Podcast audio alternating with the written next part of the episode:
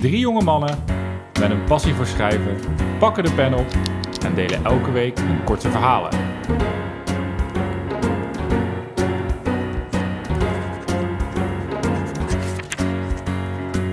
Welkom bij Goed Verhaal, Lekker Podcast. Ja, daar zijn we weer. Daar zijn we weer. Welkom jongens. Aan mijn linkerhand zit Roal en aan mijn rechterhand zit Michiel. Eh, ja, ik ben weer heel blij dat ik weer eens een keer de host mag zijn. En eh, voordat we doorgaan naar het thema. Wat voor biertje drinken we vandaag, Michiel? Ja, we drinken de eh Jopen Nederwit. Tenminste, die drinken jullie. Ik drink de Adrianuswit, omdat ik in de supermarkt de blauwe etiketten niet van elkaar kan onderscheiden. Focus, Michiel. Focus. Ehm, en ik ga hem even inschenken. Oh. Ja, dit klinkt toch anders dan eh, dat nederwit van ons. Ja, het is Ja, toch, eh, maar eigenlijk vind ik het wel leuk dat hij Nederwit heet. Want ik heb het biertje niet, eh, eh, niet uitgekozen. Maar eh, eh, hè, aangezien het thema vandaag eh, grens is... en eh, wij allemaal in het mooie Nederland leven... waar ook een hele abstracte grens omheen ligt... vind ik dit toch wel mooi. Nederwit. Ja, en het is dus eh, gebrouwen door de Jopenbrouwerij. Eh sowieso fantastisch om daar een keer heen te gaan in Haarlem, in de Jopenkerk. Dat schijnt echt een hele ervaring te zijn. Ik heb één keer voor de deur gestaan dat het te vol was om naar binnen te gaan. dus daar ba- baal ik nog steeds van.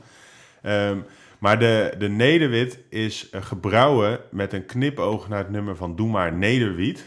Kijk. Ken dat je dacht ik al, ja. Ken je dat nummer? Nederwiede, wiede, wied. Oh echt? Is dat dat Ja. nummer? Ja, Ja, dat, dat, eh, dat is het inderdaad. tuurlijk, Ehm, alleen in dit geval gaat het niet om wiet, maar is het een white IPA met gerst en tarwe. Dus die wheat. Oh. Haha. Ja, heel grappig daar in Maar Haarlem. wij zijn niet de enige die woord gaan Nee, Nee, precies. Dat nee, wordt grappig.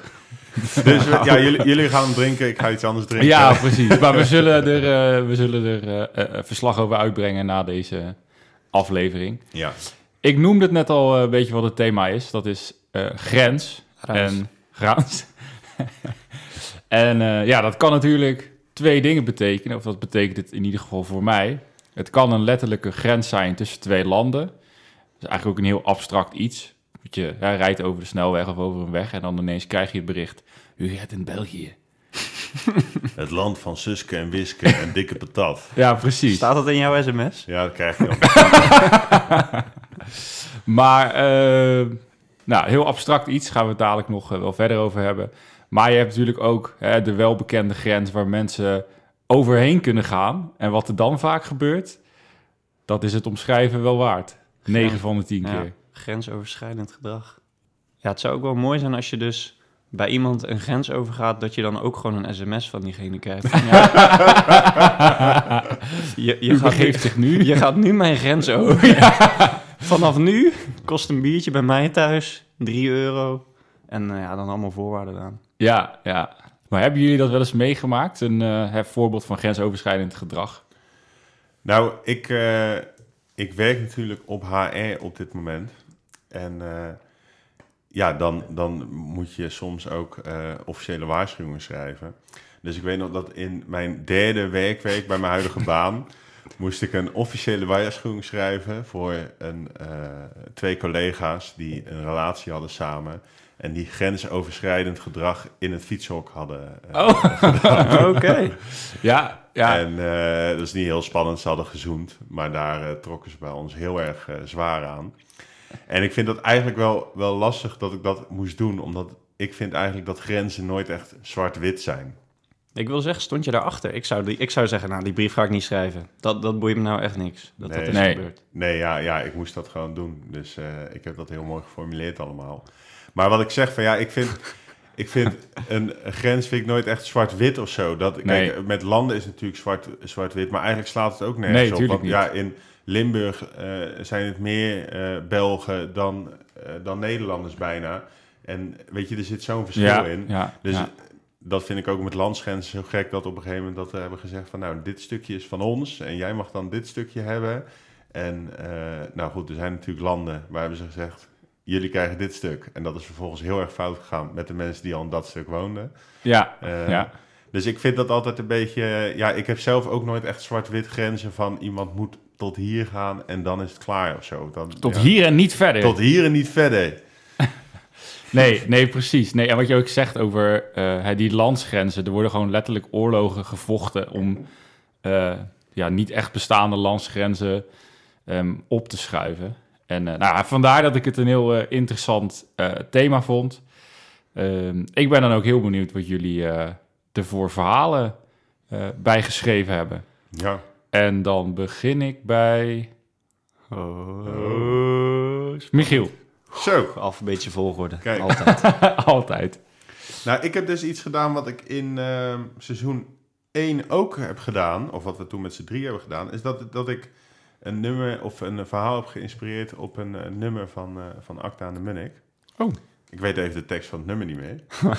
maar ehm, Dat, dat komt terug in je verhaal, toch? nee, nee, Oh. maar het is wel erop geïnspireerd.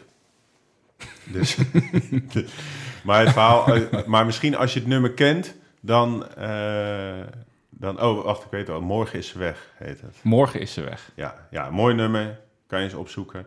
En ehm, ja, ik ga het gewoon vertellen en daarna zal ik misschien nog wel toelichten. Of Komt er goed. misschien ook wel een mening over. Misschien. Leuk. Ze zit op het hoekje van de bank. Normaal ligt ze op dit tijdstip, tijdstip al lang op bed. Toch is ze klaar wakker en kijkt ze naar het koud geworden eten dat op tafel staat. Ze gaat met haar blik de rest van de kamer af. Het object in het midden van de kamer ontwijkt ze. En haar blik blijft rusten op de overvolle schouw met foto's, lintjes en natuurlijk het pronkerige blikmetaal. Dan wordt de stilte verbroken. De stappen komen langzaam dichtbij. Gepiep van het tuinhekje. Drie keer, soms vier keer het geknisper van grind. Arriveren op de mat. Twee vegen. Ze kan het dromen. Dan begint de zoektocht die bekroond wordt met triomfantelijk gerinkel. Gekras, even niets en dan de sleutel in het slot. IJzer dat in beweging komt en het wringen van de deur. Een korte bons, twee vegen, schoenen die uitgetrapt worden en de klik van de deur die in het slot valt. Hij is thuis. Sleutel, mompelt ze zacht. Klik, daar is het geluid van de wringende deur weer. Het geluid van de deur tegen de muur komt, blijft uit. In plaats daarvan wordt na kort geritsel de sleutel uit het slot getrokken. Klik. Ze luistert naar de voetstappen in de gang en hoort het polyester langs de muur schuren. Sleutels op het kastje, de jas aan de... op de grond. Ademloos luistert ze ernaar. Dan hoort ze het gekraak van hout. Schat? Hij stapt van de trap af, opent de deur op een kier en steekt even zijn hoofd door de deur. Ik ga slapen, moppie. Ben verrot. Hoe was het? Goed, goed. Vierde, maar was gezellig. Ga gelijk mijn nest in, ben gebroken. We gaan morgen naar mijn ouders, hè? Ja, ik denk dat ik even oversla op. Echt even behoefte aan een zondagje op de bank. Snap je wel, toch, schat? De deur gaat al dicht. En het hout begint weer te kraken. Steeds zachter. Alleen blijft ze achter in de stille kamer. Hij heeft de koffer in het midden van de kamer niet eens gezien. De grens is bereikt. Ja, ik zat er helemaal in, man. Ja, Super beeldend beschreven. ja, En eh, het, het helpt ook wel dat je die titel eerst, eh, eerst zei van dat nummer. ja, je, voelde, dat, dat hielp wel echt in de opbouw van... oké, ja, dit, eh, dit gaat fout. Ja. ja, ik vond het inderdaad... eh, hè, je gaf steeds net voldoende weg om eh, dat hele scenario voor je te zien. Maar het bleef wel spannend van, oké, komt hij binnen? Gaat hij meteen naar boven? Ehm, ik vond ook heel goed hoe je dan die hele routine, zeg maar, hè, die zij hem blijkbaar heeft aangeleerd en waar ze dan zo steeds op blijft hameren, dat ze die dan ook in de hoofd naspeelt. En inderdaad dan, hè, ze hoopt dan dat hij zijn jas ophangt, maar dat doet hij natuurlijk niet, want eh, het is een man en mannen Ja. doen dat gewoon niet.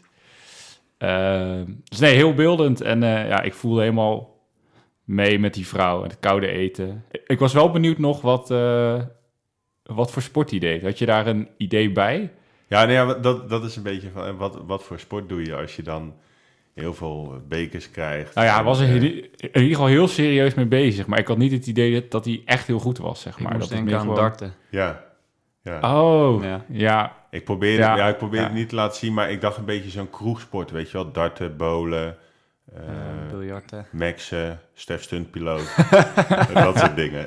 ja, ja, ja. En ergens had ik het beeld van um, André Hazes ook in mijn hoofd. Eh, met het liedje Zij geloofde mij. Dat is toch ook van, hè, zo Ja. te slapen.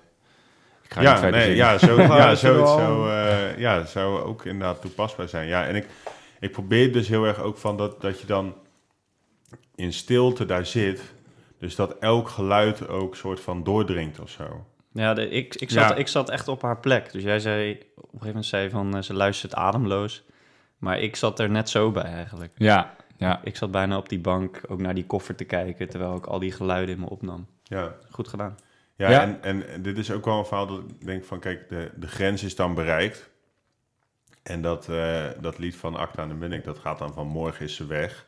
En anders overmorgen. Dus dan die, die grens, Oh ja. die- weet je wel, want het is ook iets heel passiefs of zo, weet je wel. Van hopen dat, dat hij het een keer gaat zien of zo. En eh, dat probeer ik ook te zeggen, dat die grens, die, dat, die is natuurlijk ergens heel vaag. Zeker Ja, als er emoties bij komen spelen, dan, dan is zo'n grens is niet zwart-wit. En eh, Nee. dat probeer ik er ook een beetje in door te laten komen van dat, eh, dat je daarover na gaat denken of zo. Ja, ja, wat jij zegt, je, je kan natuurlijk steeds een grens net iets opschuiven. Dan, hè, dan is het niet morgen, dan is het wel overmorgen of dan weer die dag erna. En eh, ik denk dat je dat goed eh, eh, erin verwerkt hebt. Dankjewel. Well done. Well done. Net als mijn eh, steak. Rowan, wat heb jij ervan van gebrouwen? Ja, bij mij heeft het ook wel iets met relaties te maken. Alleen bij mij blijft het denk ik wel iets, iets vager. Oké, oké. Dus, Ik ben show benieuwd. don't tell. Heb ik jullie genoeg gekieteld nu? Ja, willen jullie het horen? Ja, zeker. Zeker. Oké. Eh, eh. Dave en Carolijn lopen naar buiten. Hij heeft zijn pakje sigaretten al in zijn linkerhand. De aansteker zit in het pakje. Wel zo handig. Soepel biedt hij eerst Carolijn een vuurtje aan. Ze neemt een diepe hijs en begint, zoals altijd, met praten. Kijk, weet je wat het is? Als het drie jaar geleden was gebeurd, dan waren we hier nooit geweest. Dan waren het jouw kids geweest die met de mijnen waren opgetrokken. Dave knikt en blaast zijn rook uit. Caroline ziet dit als een rooksignaal om verder te praten. Mensen weten ook gewoon niet wat ze met haar aan moeten. Kijk, ik app haar gewoon, hè. Ik app haar dat ik geen fuck geef. Dat ik gewoon zo ben. Jij bent zo'n mooi mens, appt ze dan terug. Nee, ja, ja, ja, heeft Dave ondertussen uitgebracht. Caroline gaat verder. Kijk, ik vind het al stoer dat ze in de groepsapp reageert en er überhaupt in blijft. Barbara vroeg mij laatst ook nog, wat doe jij eigenlijk met Yvette? Ja, gewoon appen, zeg ik dan. Ze heeft een gebruiksaanwijzing en jullie moeten niet op dezelfde feestjes komen, ondanks dat iedereen jullie keuze respecteert. Weet je wat het is, Car? Ze kent haar eigen grenzen niet. Ze kan gewoon geen nee zeggen, net als Netflix, zegt Dave. Caroline schiet in de lach. Als Netflix? Ja, als ik daar een film zoek die ze niet hebben, laten ze altijd andere shit zien die ik niet wil kijken. Alsof je bij de groenteboer vraagt om aardbeien. Hij heeft ze niet, maar antwoordt: Aardbeien zeg je? Ik heb frambozen, bloemkool, rode biet en winterpostelijn. Oké, maar ik wil de aardbei. Bedoelde je misschien romanesla, wortelen, witte kool of kersen? Dan wil je weglopen. En dat is precies wat ik toen heb gedaan. Je moet het godverdomme eerlijk kunnen zeggen als iets er niet meer is, maar niet blijven pappen en nat houden ten koste van anderen.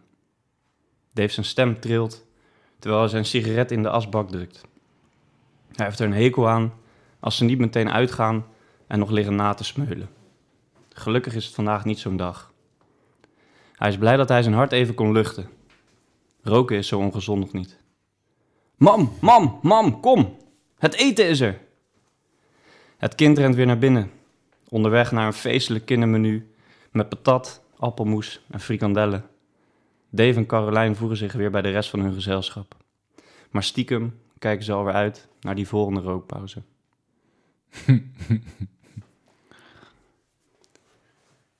Ja, ik zit hem, ik zit hem echt nog... eh, ja, ik wat- ben ook nog even aan het denken. Ik zit hem nog even te zoeken.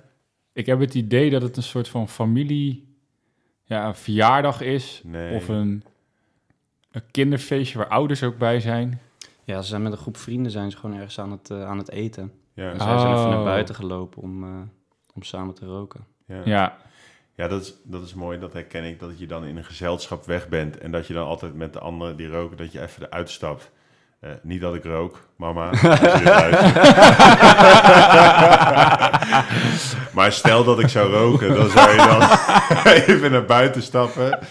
En, eh, dit gaat een grens over. en dan heb je, heb je zo'n onderrondje, zeg maar, waarmee je het even analyseert. En dan even hè, de wereld uitvindt. En dan vervolgens ga je weer terug. En dan een uur later doe je dat weer. Dus eigenlijk een beetje zo'n roddelpauze of zo die ze hebben. Ja, echt hè? Ja, En- ja. Ehm, ja, volgens mij spelen er dan dingen in die vriendengroep. eh, Dat er, me- dat er stellen uit elkaar zijn. Of dat er, dat er kinderen eh, bij zijn. En dat, dat zij al met z'n tweeën eh, ja, of een mening over iets vormen. Of dat ze een beetje naar elkaar aan toegroeien zijn. Mhm. Want ik dacht eerst, dacht ik op een gegeven moment van... Oh, het is een stel hoe ze communiceren met elkaar. ja. Maar op een gegeven moment dacht ik van, nee, dat is het niet. Maar op een gegeven moment dacht ik, het zou het wel kunnen worden. En misschien wil Dave dat ook wel, dat dat het wordt. Ja, ja. Dus ik vo- vond het... eh, ik, ik zou zeg maar dit verhaal, als ik dit zou lezen in een bundel of zo... dan zou ik het altijd even terug gaan zoeken naar clues van... oké, hoe zit het nou, eh, hoe Ja. zit het nou precies? Ja. Maar ik vond het hele eh, het thema grens er inderdaad ja, goed in verwerkt. Het was minder duidelijk dan bij Michiel, maar je voelde overal ja, die irritaties van hè, mensen die dan eh, eh, maar gewoon bij elkaar... Hè, eh, ja, ze worden niet bij elkaar gezet, maar goed, ze, ze willen dan eigenlijk wel wat gaan doen, maar eigenlijk zitten die onderlinge irritaties al zo hoog dat dat eh, elk uur eigenlijk overstroomt. En dan moet ze een rookpauze, moet ze dan... ehm, ja, de rust bieden om weer even eh, onder het grensniveau te komen. Even de uitlaat... Oh, zo mooi. De Ja. uitlaatklep. ja. Ja, Precies. Ehm, wat ik me wel bedacht, is nog even een, eh, eh, een stukje feedback vanuit schrijversperspectief. Mhm. Ik kreeg in eerste instantie het idee bij Dave dat het best wel gewoon een hele ja, slome guy was, om het zo maar te zeggen, die niet zo heel veel praat en niet zo heel veel boeit.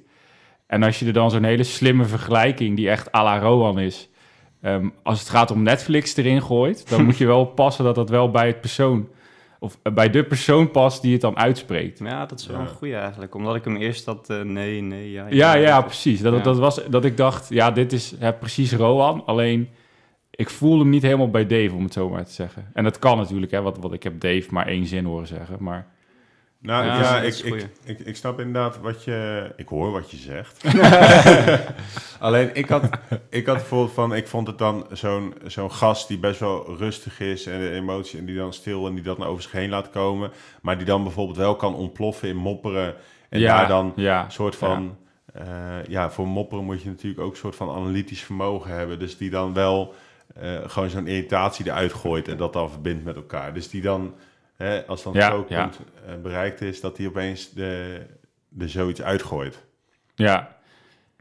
Ja, ik denk ook niet dat het eh, inderdaad heel erg em, uit elkaar lag. Maar het was meer iets wat ik bij mezelf merkte. En ik dacht, hé, hè, als we dan toch elkaar hier eh, tips mogen geven... Dat mag. Ja, Ja, ik vind het ook goed dat je het zegt. live, eh, live op de lijn, dan eh, doe ik Ja, dat de- gewoon. Ja. Ja.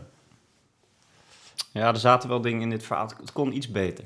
Dat, eh, dat is wel waar. Dat, dat merkte je ook aan de eerste reactie van... Oké, weet je jongens, ik moet nog even zoeken naar... wa- wat bedoelde je eigenlijk? Dus, eh, nou, daar gaan we aan werken. Ja, maar goed. Het is, eh, iedereen heeft zijn eigen schrijfstijl en eh, zijn eigen verhaal. En eh, ja, de ene keer landt het beter bij degene die er naar luistert dan de andere keer. Ja, nou ja, maar ik vond dat, dat vind ik wel mooi dat. je hebt nu ook wat meer vanuit een soort van dialoog geschreven, of een meer, meer over, overzienende dialoog. Dus dat vond ik wel een interessant perspectief.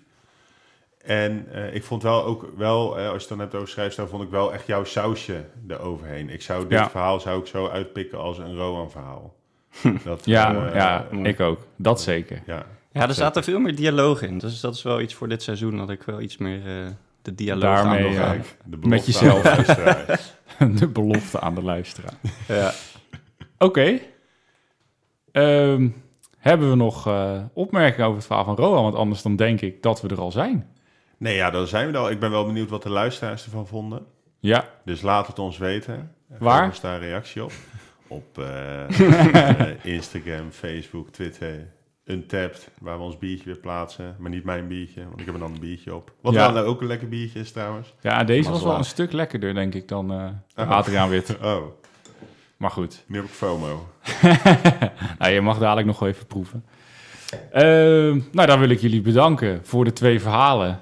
Ehm, ik heb er weer van genoten en ik hoop dat de luisteraars er ook weer van genoten hebben. Jullie ook wel. bedankt. Tot de volgende keer. Ciao.